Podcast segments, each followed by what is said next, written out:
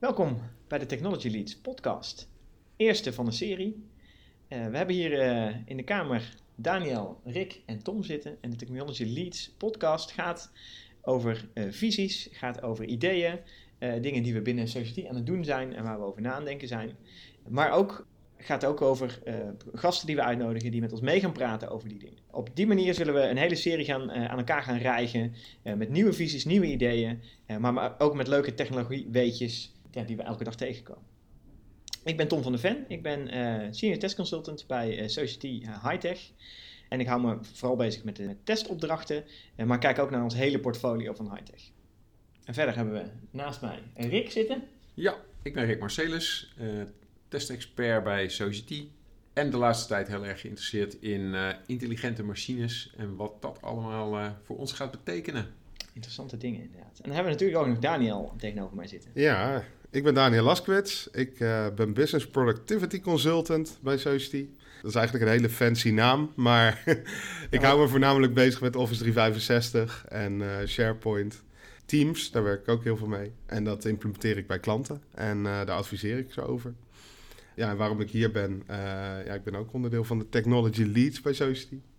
En ja, ik vind het heel leuk om, om over technologie te praten. En dit lijkt me een, ja, een heel fijn medium ervoor. Ja, zeker, zeker. Ik denk dat we ja, veel erover zullen gaan praten de komende tijd. Maar ook inderdaad eens rond gaan kijken wie er met ons hierover kan gaan praten. Dus het is eigenlijk bij deze ook meteen een open uitnodiging voor mensen die interesse hebben om met ons van, van visie en gedachten te wisselen over technologie. Of het nou over AI gaat, over Teams, Microsoft oplossingen, uh, high-tech uh, systemen, IoT, artificial intelligence, you name it.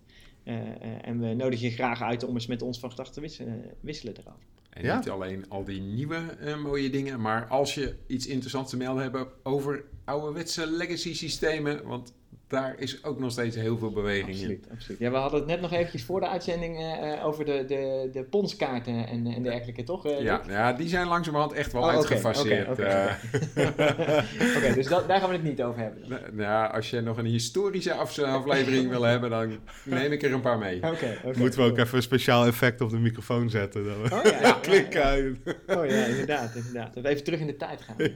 En misschien is dat nog wel een leuk item, terug in de tijd, ten opzichte van nieuwe technologie. Ja. ja. Een goed idee voor de volgende keer. Eh, Mooi. Nee, Uh, tegelijk ook een mooi bruggetje naar een van de, van de onderwerpen die we altijd langs willen laten komen. En dat is uh, de technology updates. Daniel, wat is jouw tech update voor deze keer? Ja, mijn tech update dat heeft met Microsoft te maken. Verrassend. Onverwacht. nee, Microsoft die heeft uh, bekendgemaakt dat ze um, hun browser, Edge, eigenlijk gaan vervangen uh, door een Chrome-browser. Dus oh. gebaseerd op Chromium. Oké, okay, maar... Um, ja, zij, zij hadden hun eigen, hun eigen browser helemaal natuurlijk, hun eigen engine. En ze hebben gewoon besloten om uh, mee te gaan bouwen aan Chromium. En okay. dat zij een eigen implementatie van Chromium gaan doen. Dus je krijgt eigenlijk één browser-type minder dadelijk, want hebben we daar ja? alleen ja? nog maar Chrome. Ja, nou, Chromium, wat, hè? Ja, Chromium. Wat, uh, het verschil okay. tussen Chrome en Chromium? Even voor de mensen die dat niks zegt. Ja, Chromium is het open source project eigenlijk, wat, er, mm -hmm. ja, wat de basis is voor Chrome. En uh, ja, Chrome is de implementatie van Google. Oké, okay, en nu krijgen we dus ook een implementatie van Microsoft. Ja. Ja, zo heb je al meerdere browsers ook die, die gebruik maken van Chromium. Bijvoorbeeld uh, um, Brave is daar een van. Brave is een redelijk bekende browser. Um, ja, en dat is, dat, is, dat is ook een implementatie van Chromium eigenlijk. Okay. Ja, Microsoft die heeft gewoon gezegd, we zien dat developers voorkeur hebben voor Chrome.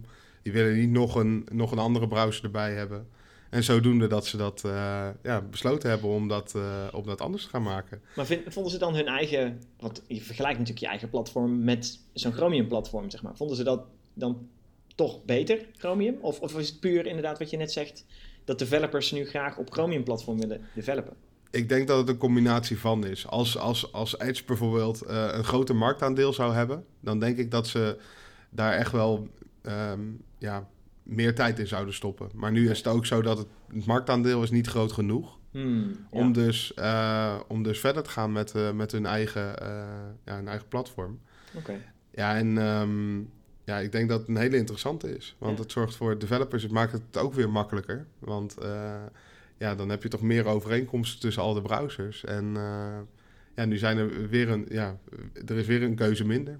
Dus dat Maar maakt het wel mooi. sta je dan, dat vind ik dan wel interessant, want dit lijkt erop dat je eigenlijk voorstaat dat er straks één one browser fits all, zeg maar. Of niet? Ja, nou, ik denk dat het al bijna zo is. Ja. Want als je kijkt naar hoe, hoe groot het marktaandeel van Chrome is, is echt ja, Huge. Ja. belachelijk groot.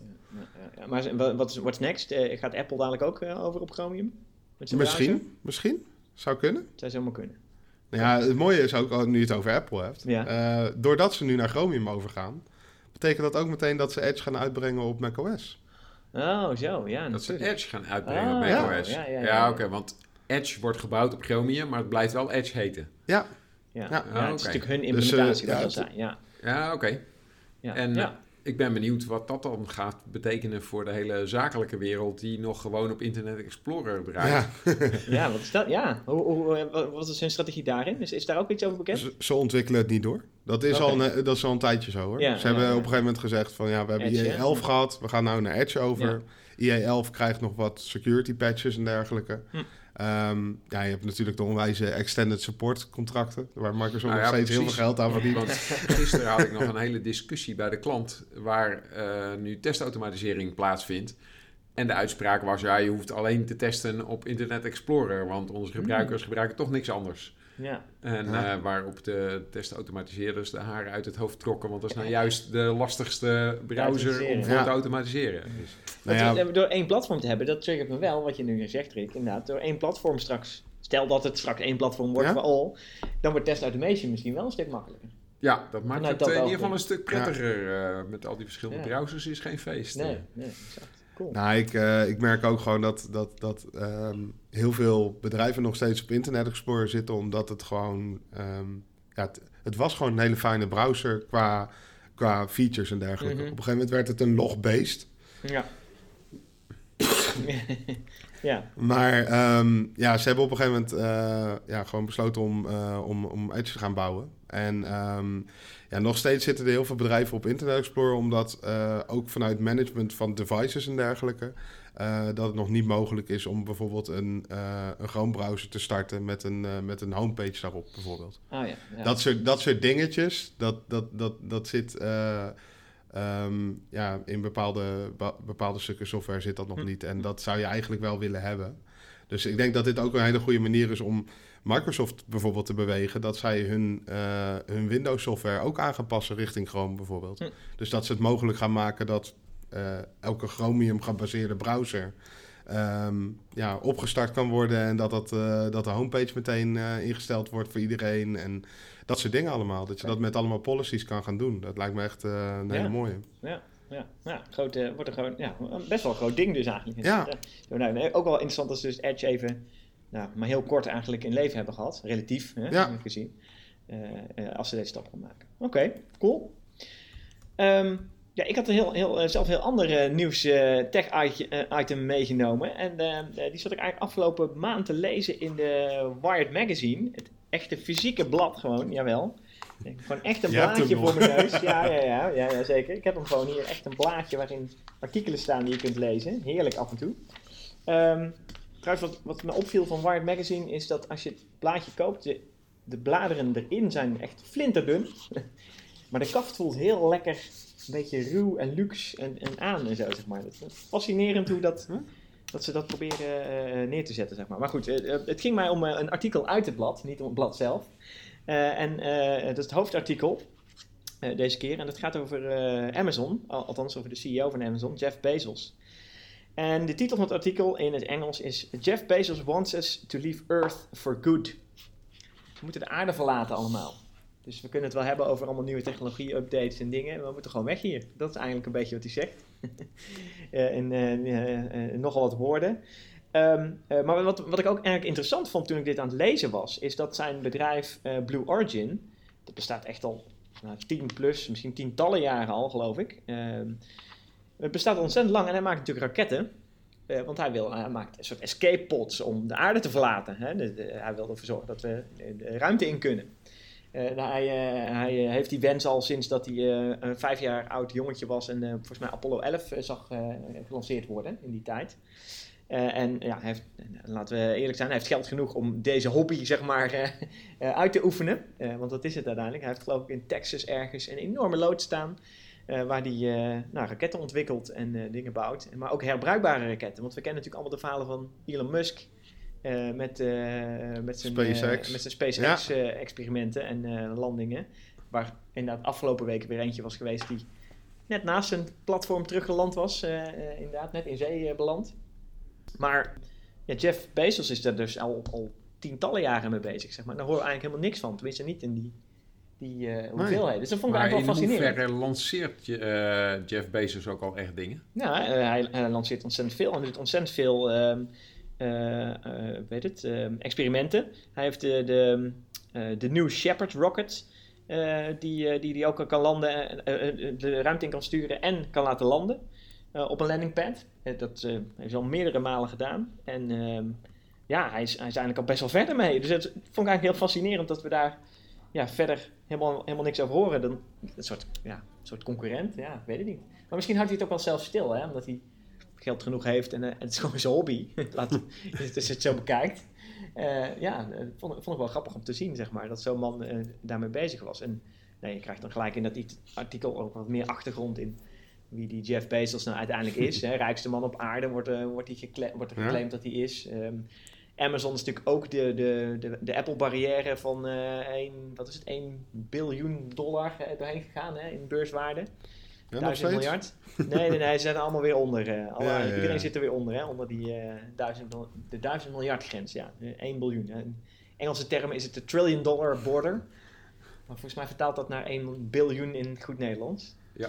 Ehm, eh, maar ja, goed, zo'n man heeft dat bedrijf van, ja, van, van een boekenverkoop websiteje, even een be- beetje oneerbiedig, naar een imperium op, opgebouwd. En heeft nu ook de tijd daarnaast nog om ja, die hobby van, eh, van ruimteraketten eh, te bouwen. Ik, ik vond het een geweldig artikel. Ja. Het geeft ontzettend veel inzicht in, in zo iemand, ja, hoe die denkt, wat hij doet, ehm, hoe zo'n bedrijfje Blue Origin nou uiteindelijk werkt. En ja, hij ziet het als, echt als een soort ruimtetoerisme wat hij, eh, wat hij aan het maken is. En niet eens vanuit commercieel oogpunt, maar gewoon voor de, voor de leuk, voor de fun. Dus Maar geloof je erin? Ja, ik geloof er eigenlijk wel in. Ja, ja. Zou je het zelf ook doen? Ik zou het, ja, nee, ja. Ik, eh, eh, ik kan me ook nog wel eh, dat soort lanceringen herinneren. En ik heb nog een heel mooi ruimteboek liggen thuis. Mhm. Het heet Space 86. Eh, en dat boek heb- heeft allemaal foto's van al die Apollo-missies en zo. Dat- en toen ik dat als Cool. kind kreeg, heb ik dat helemaal, ja, helemaal stuk gelezen en Ja. zitten, zitten kijken. Er zitten helemaal mooie foto's in. En ja, ik had zoiets van, dat lijkt me wel gaaf om ook zoiets Ja. een keer te kunnen doen.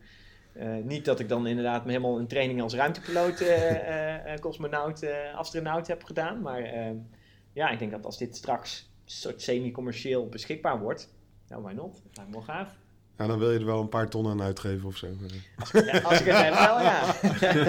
als ik het heb wel, ja. Ja, Ja, oké, maar ook, ook voor dat zal waarschijnlijk gelden dat het razendsnel goedkoper wordt. Hè? Op dit moment moet Ja. je nog een paar honderd miljoen meenemen als je de ruimte in wil. Maar ruimtetoerisme gaat op een gegeven moment... eh, Nou, inderdaad een paar ton, Kunnen. dat het best realistisch wordt. Dat er binnen no time eh, dat die bedragen zijn. ja. Ja, en, eh, en dan is het een kwestie van tijd dat het eh, in de orde van bedragen ligt dat je nu een eh, first class ticket naar Australië ja, boekt. ja, ja. Maar dat zal er niet ver meer uit elkaar liggen, denk ik. Het lijkt me niet eh, dat Ja, denk elkaar niet- gaat ontlopen. We gaan geen Ryanair prijzen voor, eh, voor eh, ruimtevaart krijgen, denk ik. Ja, ja, Ryanair prijs voor ruimtevaart, ja. ja. Als er een plekje vrij Of is. Ryanair gaat misschien ook in ruimtevaart in.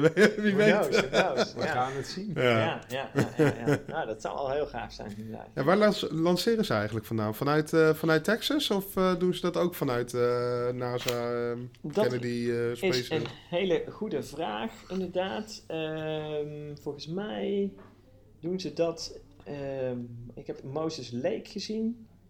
Even kijken. Eh, een capsule wordt daarvoor gelanceerd. Maar ze, hebben- ze doen heel veel Texas, inderdaad. Maar volgens mij. Ja, want hij heeft een of ander enorm eh, stuk, eh, stuk land in Texas. Mhm. 300.000 eh, hectare grond. Daar zit onder andere dat Blue Origin complex op. Eh, het zou zomaar kunnen zijn. Nee, inderdaad, eh, Cape Canaveral. Ja. Cape Canaveral, ja. Dat is Ja, eh, relatief dichtbij hè, voor hem. Een paar Ja. duizend mijl of zo, zo'n beetje. Ja. Space. Noem het maar relatief Ja, dichtbij. Eh, Texas en Cape. Canaveral is nogal een... nou, dat is helemaal... Nee, Als je de 1400 ruimte ingaat, het, het International Space Station hangt maar 400 kilometer boven ons. Hè? Dat Dus van Houston, eh, Texas naar Cape Dat- Canaveral is een stuk verder dan naar het eh, International Space Station. Het kost alleen wel meer energie om bij het De- space ja, oké, maar het is dat je alleen nog even de zwaartekracht moet overwinnen. Precies, precies. Ja, ja, ja, ja. Inderdaad. Nou, 1400 mijl deze keer. Eh, afstand Cape Canaveral eh, Cape- van, eh, tot aan eh, de range van Bezos. eh. Ja. Maar hij heeft eh, op Cape Canaveral een, een, eh, een eh, facility gebouwd. Een lanceringsfacility. ja. Ik ben wel benieuwd in hoeverre ze eigenlijk dat hergebruiken allemaal. Want NASA heeft natuurlijk al heel veel. En SpaceX, die, ja, die, die zit daar ook volgens mij. nee, Hebben ze nou een eigen, een eigen plekken allemaal? Of gebruiken ze gewoon elkaars dingen? Of... Nee, ze hebben eigen plekken. want er staat hierbij dat ze inderdaad vlak bij elkaar. Dat Musk heeft ook zo'n facility die vlakbij eh dingen staat. Bij die van, van de Bezos. Eh, en, en inderdaad, ik lees nu ook dat. Vond ik weer terug dat ze eh, een maand of acht, negen na elkaar hun eerste launch hebben gedaan. Dus zoveel eerder was Zo. hij toch ook weer niet met zijn Nee. lancering. Oh, oké. Jeff Bezos. Maar. Ja. En Ja. eh, het idee is dat hij, even kijken, in 2023 een, eh, eh, een lander, een, een maanlander eh, klaar heeft, zeg maar, eh, eh, 10.000 pounds of stuff, zoals ze dat zo mooi noemen, eh, naar boven kunnen, kunnen schieten. Dus eh, dat is leuk, leuk vergelijk wordt gemaakt. Dat zijn Ja. ongeveer 150 Ford pick-up trucks, die hij dan op de- op de maan zou kunnen zetten. 150? Ja. Nee. Wat zei je nu? Hoeveel pound? 10.000. 10.000 pond, dus Ja, 5000 kilo. Dat is, dat is anderhalve Ford pick-up truck. Ja. eh. dus daar heeft iemand een Ja, rekenfoutje rekenfout, gemaakt, ja, ben ik bang. Nou, we hebben een rekenfout gevonden in het artikel, ja. 10.000 pond, ja. Ja, Of zijn ze een paar nullen vergeten? Dat zou... Nee, maar dat dat- zou eh, nee, want er, eh, van de week was er eh, in het nieuws van NASA dat zij dus eh, komend jaar, 2019, eh, voor het eerst capsules gaan lanceren waar mensen in kunnen. Mhm. Ook al beginnen ze nog even zonder mensen erin. maar die zijn ongeveer 3000 kilo. eh, dus dat is eh, ter eh, het gewicht van twee personenauto's. ja. En, en dat is dus dezelfde orde van grootte Orde van waar je het hier ja. over hebt. Ja, eh. ja, inderdaad, inderdaad. Ja, klopt. Want zal ik daar gelijk even op doorgaan? Want ja, Tom had wat nieuwtjes over eh, eh, de ruimtevaart. Maar ik had eh, van de week een tamelijk persoonlijke ervaring met ruimtevaart. Want afgelopen woensdag op Mhm. Sinterklaasavond Nederlandse tijd... Ja, is de eh 16e SpaceX Commercial Resupply Mission gelanceerd. Waarbij ze met de bekende Falcon 9 raket lancering hebben gedaan. En het enige wat daarvan in Nederland het nieuws heeft gehaald... was inderdaad dat die Falcon 9, tenminste de eerste trap daarvan... keurig is teruggekeerd op aarde, maar alleen niet op land is geland, maar in het water. Wat niet Mhm. helemaal de bedoeling was. Ehm, maar wat helemaal niet in het nieuws is gekomen, is wat ze nou eigenlijk in die Dragon capsule de ruimte ingestuurd Ja. hebben. En eh, wat daarin zat was onder andere 20 muizen. Dus als je denkt van worden er nog wel eens levende wezens vanuit Amerika gelanceerd. Nou, daadwerkelijk. ja dus. Ja, En volgend jaar dus weer eh, astronauten. oké. Maar, maar wat eh, helemaal interessant is, is dat in die satelliet, of nee, in die capsule zat een satelliet, de JEDI-satelliet. Mhm. En JEDI is de afkorting van Global Ecosystems Dynamics. En het is een eh, systeem waarmee ze met LIDAR, dus eh laserstralen, ehm, de bossen op aarde in kaart gaan brengen. Wauw. Dus Ehm, Jedi in, in GEDI hebben we het nu Ja, over, hè? G-E-D-I. G-E-D-I, eh, ja. dus, Geen Star Wars. Geen Star Wars. Geen Star Wars. Wel lasers. Maar wel Jedi en lasers. Ja. Dus wat dat betreft. En het, eh, het boeiende daarvan is uiteraard voor mij sowieso boeiend. Eh, mijn dochter doet een eh, PhD in Amerika, betaald door de NASA. En haar taak is om te bedenken wat je dan met al die informatie kan. Want het is leuk dat ze binnenkort een eh, apparaat met lasers rond de aarde hebben cirkelen. Ja, Die gaat tussen de 52ste breedtegraad noorderbreedte en 52 zuiderbreedte alle bebossing in kaart brengen. Dan heb je dus een gigantische berg datapunten. Ja. En daarmee kun je dus een driedimensionaal model maken van alle bossen op aarde. En dan hè, is het idee, wat kun je daar dan mee? ja, nou, dan kan je bijvoorbeeld ontbossing in kaart brengen. Hè? Verdwijnen er bossen? Of je- komen er bossen bij? maar dan moet je wel blijven meten.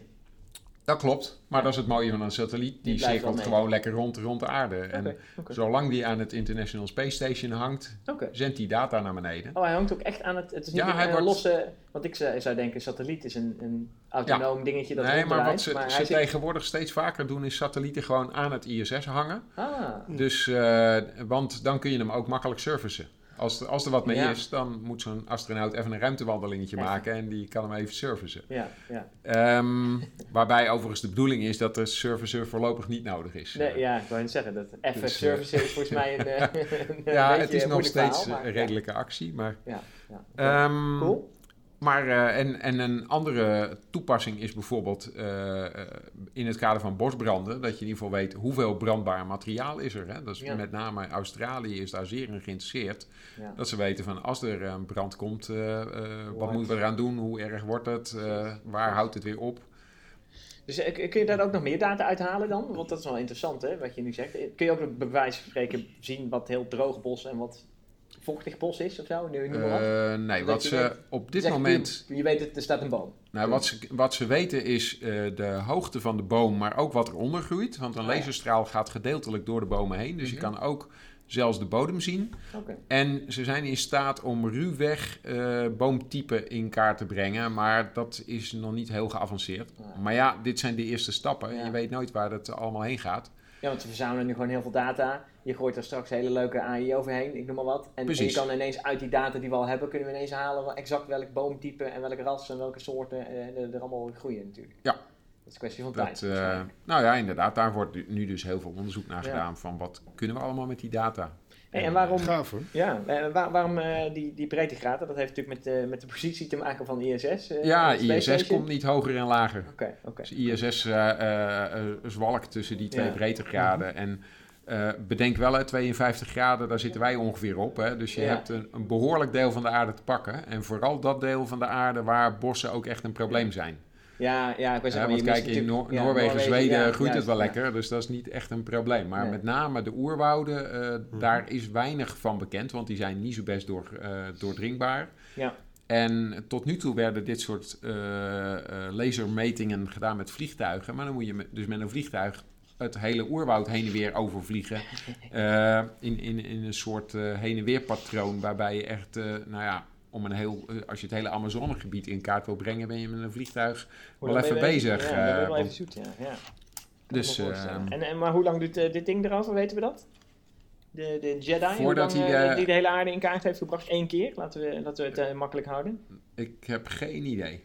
Maar er, er is door de professor die verantwoordelijk is aangekondigd dat over een half jaar ze eh de eerste bulk data algemeen beschikbaar gaan stellen. Oké, oh, en dan Dus, kun je, eh, kan iedereen is- er ook mee aan de gang. eh. Ja, het is gewoon academisch onderzoek. Ja, dus de hele wereld kan die data gaan pakken. Maar Eh, koop nog wel even vast een paar extra harddisks. Ja? Want we hebben het hier natuurlijk over vele terabytes. hè? Oh, oké. Ja, ja, ja. oké, oké, oké. Dus ik moet thuis, thuis even mijn, eh, mijn NAS even upgraden. Ja, ja, als je Ja. dit wel doen. Maar wat natuurlijk waarschijnlijk mensen gaan doen, is gewoon een klein gebiedje pakken. eh, eh, relatief klein. Hè? Dat je zegt van, doe mij Mhm. maar alleen het Amazonegebied. Ja. En dan ben je al een heel eind. Ja, als je gewoon wil spelen met die data. Ja. Heb jij nog de ruimte over eh, thuis, eh, Daniel? Of, eh, voor wat data? Kunnen we bij jou wat stallen? Nog een beetje... Vast wel. ja, op mijn harde schijf heb ik ook nog wel een half terra over. Ah, oké. Kunnen we een leuk experimentje starten dan? Dat is wel gaaf. Ja, ben benieuwd. Ben benieuwd. Nice. Ja, Ja. Oké, ehm, ja, best wel een ruimte eh, ge- georiënteerde nieuwtjes inderdaad. maar ehm, laten we eens kijken naar, eh, ja, wat, wat zijn andere dingen die ons op zijn gevallen of waar we mee bezig zijn geweest eh, eh, de laatste tijd. Eh, wat had jij nog eh, als, als leuke dingen, Daniel, eh, waar je mee bezig bent geweest de afgelopen week? Nou, het is natuurlijk Sinterklaas geweest. Dus eh, ja, wij hadden met de familie hebben we afgelopen zondag hebben wij Sinterklaas gevierd. Leuk. En ja, ik had voor mijn beide neefjes en, en nichtje hebben we eigenlijk cadeautjes allemaal gekocht. Mhm. Nou, en ik, ik was zaterdag een beetje rot aan het kijken voor een, voor een leuk cadeautje. En lekker op ik- tijd ook. Lekker ja, lekker tijd. op tijd, zo ben ik. En eh, toen... eh, ik had er wel over nagedacht. Oh, hoor. maar ehm, ja, ik had dus even, eh, even rondgekeken. En ik was bij de Intertoys. En daar kwam ik, ehm, ja, kwam ik eigenlijk best wel leuke speeltjes tegen. Want ehm, ik kwam een, een auto tegen van Bos. Mhm. En ja, daar zat een, eh, zo'n zo'n eh, eh, elektrische schroevendraaier zat erbij en een, een losse schroevendraaier nog. Nou, en dat was eigenlijk de bedoeling dat dan, ja, in dit geval mijn neefje, waarvoor ik het gekocht heb, Mhm. die kon de auto helemaal demonteren en monteren en die kon hem helemaal pimpen eigenlijk. En Ja. ja, ik vond het super tof, want ja, ik zag gewoon dat, ehm, ja, dat het, hij, hij leert op een eh, hele leuke manier omgaan met een soort van klussen. Ja, en, ja, ja, eh, ja. ja, dat is echt super gaaf. Eh, en eh, ja. ik kwam er dus achter toen ik verder ging zoeken. eh, ja, wat er allemaal nog meer was. Want ja, ik dacht dus, eh, ik wist helemaal niet dat Bos eh, eigenlijk eh, ja, speelgoed maakte. Maar dat schijnt dus echt heel erg, heel erg, ehm, ja, heel erg groot te zijn. Want je hebt eh, ja, eh, een workbench die je kan, eh, kan kopen. En daar zitten dan allemaal eh, verschillende tools bij. Eh, je hebt een kettingzaag, een grasmaaier Ja. die, je, die je mee kan hebt alles nemen. in miniatuur Ja. en in kinderversie, Ja. hè, eigenlijk. Ja, Ja, echt super gaaf. Ja. ja, en volgens mij is Bosch niet de enige daarin, want je hebt Nee. meerdere fabrikanten hebben dat helemaal uitgebracht. Dat is natuurlijk heel slim, als je erover nadenkt. Het is gewoon, het is gewoon een marketing ding. ja, Want als jij je kinderen al, eh, eh, nou, de merk Bosch, merk Ja. eh, Makita of noem een ander merk, eh, miniatuur gereedschap geeft, ja. Ja. dan ga je dat later misschien ook wel kopen, omdat Ja. je als kind dat ooit gehad hebt. een fijne associatie, zeg maar. Die mooie Ja. lange termijn marketing. Ja? Ja, Ja. Nou ja, en plus... En waarschijnlijk levert het nog. gewoon Het geld op ook. Ja, hoe Ja. goed is dat? Ja, Hoe goed is dat? Of je indoctrineert eh, de vaders of moeders er ook nog eens een keer mee. Dat, hè, dat die de spullen in huis hebben. En stel dat jouw eigen schroefboor stuk gaat, accuboor. Ja, dan koop je misschien ook wel eentje van hun merk. Who knows? Ja. Dus er zit misschien nog wel een, een, een slimmer marketing gedachte achter Ja. dan wij denken eh, dat erachter zit. Als je het hebt over visies, hè, we willen Ja. het over visies hebben. ja, Best een slimme visie, denk ik. eh, ik denk het ook wel. Ja, cool. Misschien eens eh, verder gaan zoeken voor een volgende keer wat er nog meer aan eh, eh, grote mensen, eh volwassenen spullen Volwassen zijn. tools en wat er... Die, die wat ook in een miniatuurvariant Ja. of in een kindervariant aanwezig zijn. Even los van gereedschap. Ik zou zo even Ja. niet weten, maar eh, we moeten ze opzoeken. Ik ben benieuwd wat we Wapens. voor de volgende keer. allemaal wapens. Oh ja, ja, ja, dat is, dat is heel makkelijker natuurlijk. Ja, dus ja, ja. Dat eh, Daniel net vertelde over dat neefje wat die auto-onderdelen uit elkaar haalt en zo. Dat brengt mij dan weer tot wat ik laatst zag. Mhm. De, de drone-auto van Audi en Airbus. Want wat die heel slim hebben gedaan is, je hebt een soort capsule waar de passagiers in zitten. En die Mhm. staat dan op een onderstel met wieltjes. En dan kan je ergens rijden. En als je dan denkt, nu moet ik over wat grotere afstand. Dan komt er gewoon een drone die pikt jouw capsule op. Dan blijven de wieltjes op de grond staan. En die gaan ergens in een eh, parkeergarage. Eh, of ja, geen idee hoe ze dat doen, hè, maar dat zijn zelfrijdende wieltjes. eh het lijkt me heel boeiend om die op, over de weg te zien gaan. Zo, alleen maar een onderstelletje. Nou, het, En mij dan, denken, mij denken, die onderstelletjes aan de, wat, wat je in de warehouses ziet. Ja, in, precies. In- grote, in, in de grote magazijnen Ja. van bol.com Ja. en Amazon en dat Juist. soort. ja. Ja. Ehm, nou, en dan pikt dus die drone die pikt die capsule op en die brengt je ergens anders heen. En als je dan bijna op de plaats van bestemming bent, word je weer op zo'n onderstelletje Ah. gezet en rij je weer verder. Ik vind het een, eh, een briljant concept. Ja? Het, het- Ehm, ik vind het eigenlijk interessant dat dit voor personen bedacht is. Want ik zou juist eerder voor goederen zou ik dit veel sneller verwachten eigenlijk. Dit, dit concept. Waarom je, dit, dit zou je veel handiger kunnen. Maar hè, de- er wordt altijd gesproken idee, over bezorgen van, Eh, eh, men, Ja, van nou, je zit pakketjes. bol.com en eh, dingen. Amazon. Het punt is, zij zitten altijd met de last mile heet het dan. Ja. de laatste kilometers. ja, Hoe, hoe doe je dat zo efficiënt mogelijk? Zeg maar? In Nederland hebben we natuurlijk best wel goed netwerk met bezorgers, maar Amerika heeft dat helemaal niet. En die zijn eh, die grote bedrijven, de Amazons, hè, die Jeff, Jeff Bezos, Ja, heel erg precies. bezig met hoe doe ik die laatste mile. Maar, maar daar is de schaal van Amerika en Nederland natuurlijk ook volkomen verschillend. Want Ja, zoiets met van die vliegende autootjes is ook in een land als Amerika best heel leuk. Terwijl in Nederland moet ik er eigenlijk niet aan denken. Want wel, Zit te druk bij Eh, ons. ja, wa- wa- Ja. waar kun je serieus dit toepassen? Hè? Dan, een- als ik van eh. Amsterdam naar Maastricht wil, dan is het waarschijnlijk in de lucht al bijna te druk om dit te kunnen doen. Want als er meer dan duizend mensen dit gaan doen, dan wordt het al te druk in Nederland eh, in de lucht. Nou, we, hebben toch wel, eh, we hebben toch wel, de ruimte is toch hoog boven ons, niet? Ja, we hebben toch wel wat. Nou. Ja, ik weet niet of je, of je je wel eens verdiept hebt in de separatie Ja. die ze in de luchtvaartwereld eh, doen.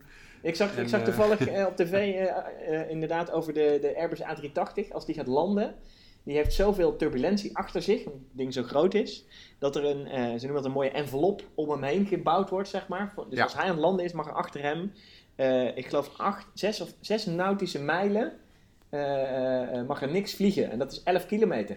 Ja, Dus, dus binnen 11 kilometer mag er niks vliegen. dus dan Dat moet je met je droontje ook behoorlijk uit de buurt blijven. Ja, want dat gaat ge als, als een mis. 747 er al niet in de buurt mag komen, Juist, dan ja, gaat jouw droontje zeker over de kop. Ik eh. geloof dat eh, een Cessnaatje, zo'n klein vliegtuigje, die, wordt er volledig on- ondersteboven geblazen. Ja, ja. Eh, zijn nieuwe Airbus. Ja, daarom, eh, eh, als zo'n Airbus eh, opgestegen is, dan moet je ook geloof ik drie minuten wachten voordat Ja. het volgende vliegtuig de lucht in ja, mag. vanwege die turbulentie die erachter Ja, zit natuurlijk. Want dat ja. blijft nog een heel tijdje door, wervelen. ja. dus drones, ja. Ja. Ja. Cool. Ja, maar dat is wel interessant wat je zag, eh, wat je zei van ja, schaalgrootte. Ik hoorde ook eh, eh, in een andere podcast afgelopen week, de, de technoloog van BNR, Mhm. ging het juist over het vergelijk van eh, New York en Nederland. Omdat New York ja, misschien qua omvang niet helemaal de, de grootte van Nederland heeft, maar wel qua aantal inwoners. En eh, dat een hele hoop dingen, problemen eh, en bezorging, als we het hebben over bezorgd dingen, zeg maar, dit is binnen in die grenzen van New York best wel een interessant ding. Voor ja, de Amazons, de Bol.coms, Mhm. de, eh, wat- heb je er allemaal. ja, hoe doe je dat laatste stuk, zeg maar? Je kunt best wel grote dingen, grote afstanden overbruggen en distributiecentra Mhm. neerzetten, maar je moet dat laatste stuk moet, moet goed ingericht zijn. En hoe doe je dat nou goed? Dat is, Ja, dat ik is kan echt me wel een puzzel. voorstellen Ja. dat dat juist in Manhattan wel een dingetje is. Ja. Want daar gaan drones ook niet helpen Nee. eh, als je op de 87ste verdieping van een Nee. eh, wolkenkrabber iets moet bezorgen. dat is Nee. eigenlijk natuurlijk wat, wat, wat Elon Musk ook eh, met zijn Boring Company volgens mij dat Ja, mee doen. Dat klopt. hij onder de grond juist het wilde Ja. doen. Ja, slim. Zodat je hele ja, grote files en dergelijke gewoon kan ontwijken. Ja. Dus dat je Ja. gewoon onder de stad door of zo, dat je binnen no time ergens bent. Terwijl Nou dat ja, normaal Ja, daar, klopt. daar zag belachelijk ik, eh, lang duurt. Van de week al een klein itempje in Amsterdam op de Zuidas. Mhm. Hebben ze eh, gewoon een tunnel onder de grond waar alle kabels doorlopen. Dus hoeven Ja. niet meer iedere keer de grond open te spitten Nee. als er iemand weer een nieuw glasvezeltje wil hebben. natuurlijk. Ja, dat is en je En- dat, en- ja. Datzelfde concept kun je natuurlijk ook doen eh, als soort van servicegang waar je pakjes bezorgt en eh, vuilnis afvoert. Er zijn alle hele mooie concepten toch van als je een nieuwe stad zou bouwen, moet je eigenlijk een ondergronds netwerk hebben van, eh, eh, van, van distributie, zeg maar, zodat je dat punt 1 niet in de stad hebt. Dat is al Ja. handig.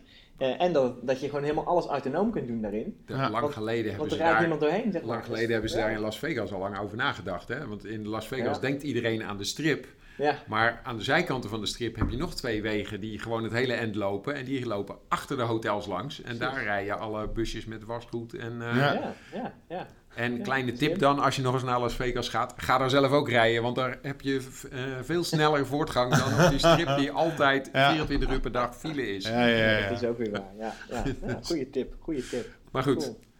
ehm, Leuk, vliegende auto's, vliegende... Ja, maar een interessant eh, concept wel, ja. Met het chassis juist achter te laten. Ja, waarom niet? Ja, en wat is dan weer de link met technologie? Hè? Want je ziet dat heel veel van dit soort dingen worden mogelijk gemaakt Mhm. door de nieuwe technologie waar we met z'n allen aan werken. Ja, klopt. En, en het boeiende is, vind ik zelf, dat we op dit moment heel veel het hebben over AI en machine learning en al dat soort concepten.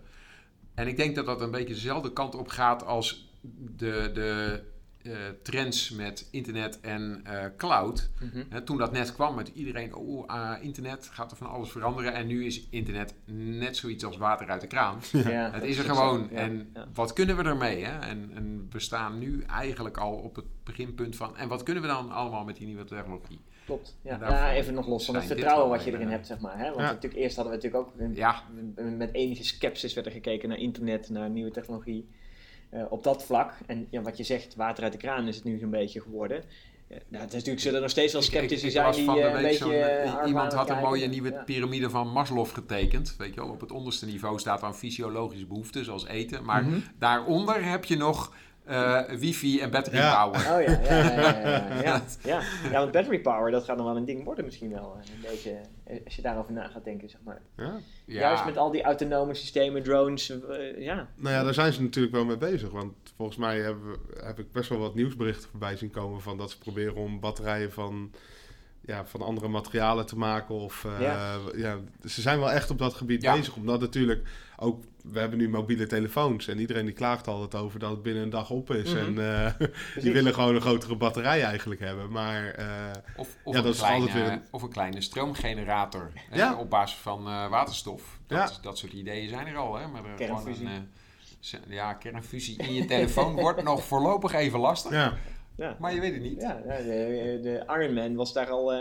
een eind vooruit, toch? Met eh, ja. zijn ideeën over kleine energiebronnen en zo, zeg maar. Ja, Ja, ik, Nou, had, eh, ik had vorige week toevallig. ehm, ja, je had het over nieuwe technologie en hoe dat geaccepteerd eigenlijk wordt en dergelijke. En hoe, hoe het vertrouwen daarin is. Ik uh, had vorige week een filmpje gezien. Uh, en dat ging over voice, dus over de uh, ja, digitale assistenten en dergelijke. Mm -hmm. En hoe je daar tegenaan praat. Cortana, Siri. En, ja, soort, exact.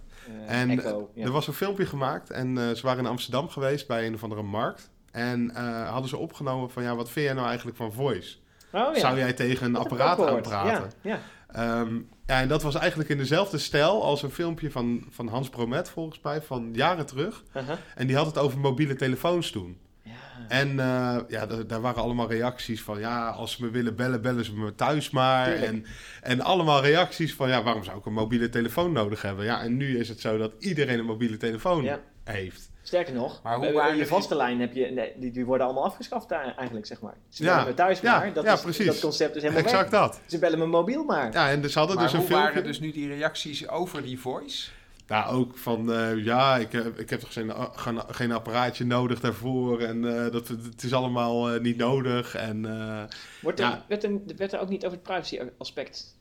Nee, het kwam niet Nee, echt aan bod, nee, hè? Dat vond ik zo fascinerend. Dat, ik heb het ook gehoord. Ik zou juist denken dat het commentaar zou zijn... Ja, als ik tegen zo'n eh, assistent praat, die luistert continu mee, ja, toch? nou dat werd, dus, dat werd niet genoemd in ieder geval. Want Ja. het ging eigenlijk vooral over de interactie tussen mens en een Ja, ja. assistent. En praten tegen een apparaat is natuurlijk... Ja. Voor heel veel mensen is dat nog een beetje onnatuurlijk. Maar Eigenlijk is het een heel oud concept. Hè? En, eh, Kennen jullie het boek 1984? Uit 1948 dus. ja, Toen was het al zo dat mensen op kantoor in een microfoon zaten te praten om hun eh, brieven te dicteren. Ja. Dat had George Orwell toen al voorzien. eh. ja, Ja, Aan de andere kant vraag ik me af hoe het in een gemiddelde Nederlandse kantoortuin toegaat als iedereen tegen zijn computer gaat zitten Hmm. praten. ja, maar goed, Ja, nou, je krijgt nu al toch dat eh, de, de, de grappen die eh, soms op de radio gaat het eh, wel eens over de, de, de Siri's, de Echo, eh, Ja. Cortana, et cetera. Maar die hebben natuurlijk allemaal een keyword om te triggeren. Dus als je nu zelfs via deze podcast Hey Siri roept of eh, Echo of eh, Alexa en er staat zo'n apparaat in de buurt, dan doordat ik dit nu roep, trigger je er al zoveel in alle huizen, zeg maar. Dus dat is Ja. natuurlijk wel heel grappig. Ja. Dat je daarmee de boel in de war kunt sturen. Dus Ja. Dus, in een kantoortuin word je helemaal gek natuurlijk. Van alle, ja, alle... eh, kijk, nou, kijk, We hebben mijn,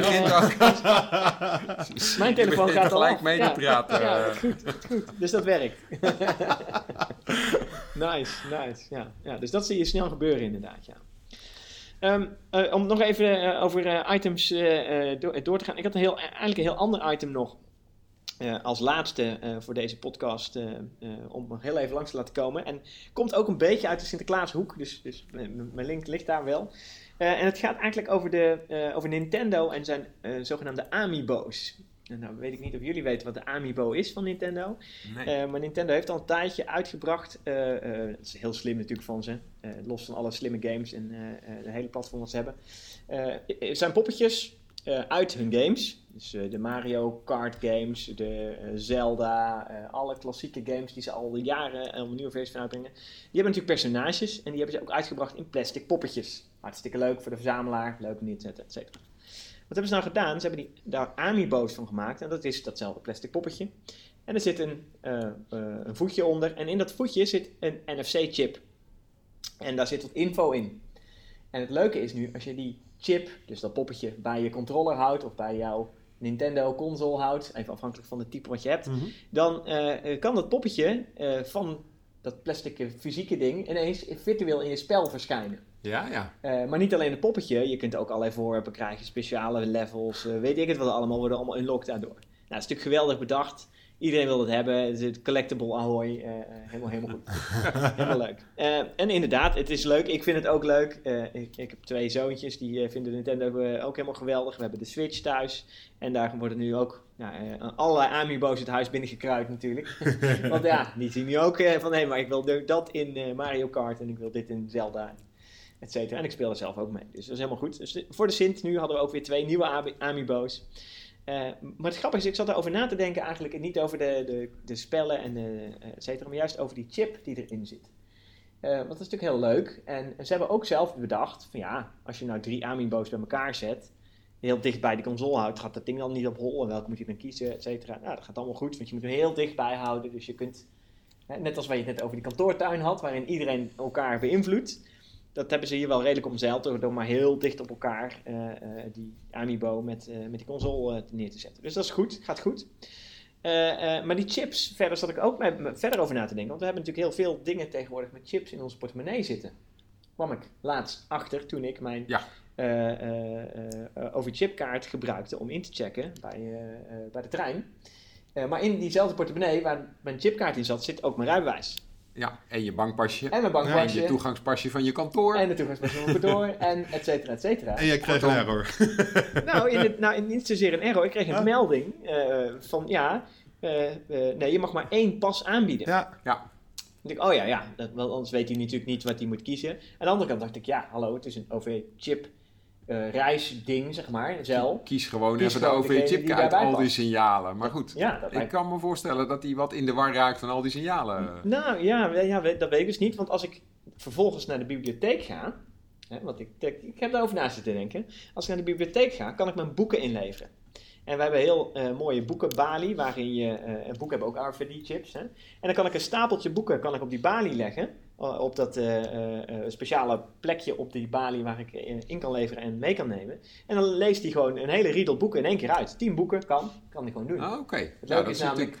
dat, dat achter mij staan er wel eens mensen met boeken eh, één voor één in te leveren. Ja. En ik kom daarna, ik leg tien boeken neer en ik loop weg. Dan staan ze me raar aan te kijken, van hoe doe je dat? Maar Ja. hij leest er gewoon tien Nou ja, datzelfde concept is natuurlijk ook al bedacht, alleen geloof ik nog niet geïmplementeerd eh, in de supermarkt. Dat jij Ja. met, je, met je winkelwagentje Ja. naar buiten loopt en in één keer pliep is je hele karretje gescand. ja, de, Ja. de Amazon. het enige wat ik me Go. dan altijd afvraag Amazon is, vorige week heb ik een rolletje pepermunt gekocht, dat zit in mijn jaszak. Ja. Uh-huh. En eh, ploep, ik betaal hem nog een keer. Ja. Ja, ja, ja, ja, Dus, eh, precies. Je moet dus iets registreren. Dus, Ja, moet dus dus uniek moet- zijn. Ja, of hij moet hem on, on, eh, eh, onschadelijk maken, zeg maar, deactiveren. Ja. Dat Ja. zou kunnen, want je kunt natuurlijk wel tegenwoordig wel schrijven. Ja. Ja, ze hebben bij die Amazon Go, dat- ik weet niet of je daar ooit een filmpje van gezien hebt, maar dat is een winkel vol met allemaal camera's en dergelijke. En die registreert of je iets oppakt en weer teruglegt. Ja, Ja. precies. Dat soort dingen allemaal. Dat is echt Dan super gaat het dus interessant niet om het scannen bekijken. van je karretje, maar Nee. die registreert op een hele ja. andere manier wat je Ja. meeneemt. En dan heb je in ieder geval die chips weer niet nodig in Nee. je producten.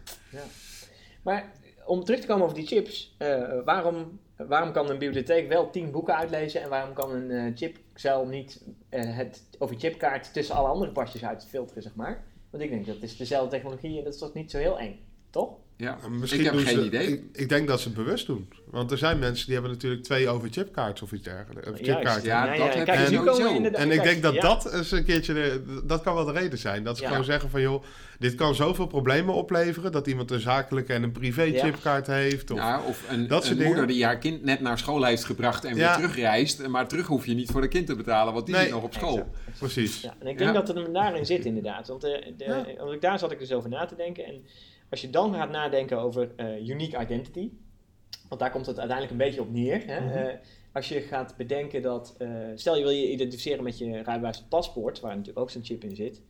Ja, dan wil je natuurlijk niet dat, dat ik een stapeltje van 10 paspoorten aan kan bieden. Eh, en, eh, en 9 zijn vals en 1 is goed. En ik hoop maar dat er één goede tussen zit. En dan, dan mag ik wel door de douane. Want Ja. dat zou je dan kunnen doen natuurlijk. Dus ik vermoed dat datzelfde mechanisme ook hier bedacht is. Van, ja, Ik weet niet of je op Schiphol wel eens bij die nieuwe paspoortcontrole dingen geweest bent, maar daar zit toch nog iets meer controle waar, achter. eh. Ja, ja, je ja. kan daar niet zomaar tien Nee. paspoorten opleggen. Nee, dat is ook zo. Maar, maar stel dat je dat Maar, zou kunnen ja, doen. nee, hè, ik en- snap en, het en datzelfde idee, geldt hier natuurlijk ook. Want het gaat erom dat jij als... Jij moet jou kunnen identificeren als reiziger. Dat jij eh, inderdaad van punt A naar punt B gaat. En ja, als jij drie eh OV-chipkaarts meeneemt, inderdaad, nou ja, het voorbeeld van, van drie eh, van zakelijk en privé, of Ja. van, eh, dat je die ook nog van je, van je partner bij je hebt, of weet ik het wat. Ja, dan gaat het natuurlijk, je betaalt te veel. Nou, dat, Ja. dat vindt de NS in dit geval niet zo heel erg. Eh, maar aan de andere kant, als de NS zegt, ja, maar wacht eens even, als je drie, als je een hele hoop vervalsingen gaat krijgen en je gaat gewoon maar Ja. aanbieden in de hoop dat er eentje pakt. Ja, dat is natuurlijk niet zo fijn. Dus eh, ik snap wel dat ze Ja. naar één unieke willen en, en die moeten doen en et cetera. Dus, dus Dat dat zal erachter zitten. ja. Je zou het op kunnen lossen met een display natuurlijk. Gewoon een touchscreen. Dat je Ja. zegt van joh, als je... Kies als de je, goeie. Ja, kies de goede. Ja, maar dan krijg je weer extra handelingen en is het weer niet zo snel. Nee, Maar- maar, ja, als iemand ervoor staat en je krijgt een error, dan, dan is het ook niet snel. Nee, nee, dat ben ik ook weer met je eens. Ja. Ja. Maar dan omzeil je, ja oké, maar dan zit misschien het unieke identificeren en dat mensen zien. En, ja, ja. Nee, het is een goede discussie. Ja, Ja. goed idee.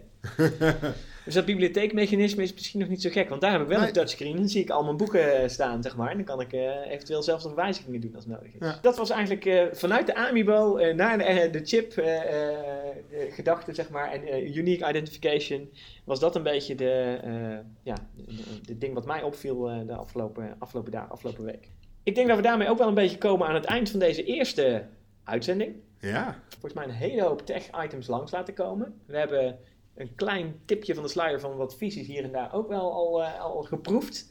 Eh, we gaan zeker de volgende keren eh, eens wat dieper in op wat nou een onderwerpen en visies zijn. eh, in eerste geval van onszelf, van Daniel, Rick en van mij. En vervolgens gaan we ook zeker eens even kijken om ja, wat gasten uit te nodigen, zeg maar, die ons ook wat van hun visie kunnen laten delen. En uiteraard gaan wij die aan een flink kruisverhoor onderwerpen. Lijkt me een goed idee. lijkt me helemaal gaaf. Oké. Ja, Nou, ik tot de volgende erop. Podcast. En lees eh, bij de notes wat de volgende onderwerpen gaan zijn. Daar gaan we ze wel vermelden. En zien we jullie en horen, horen jullie ons bij de volgende podcast. Yes.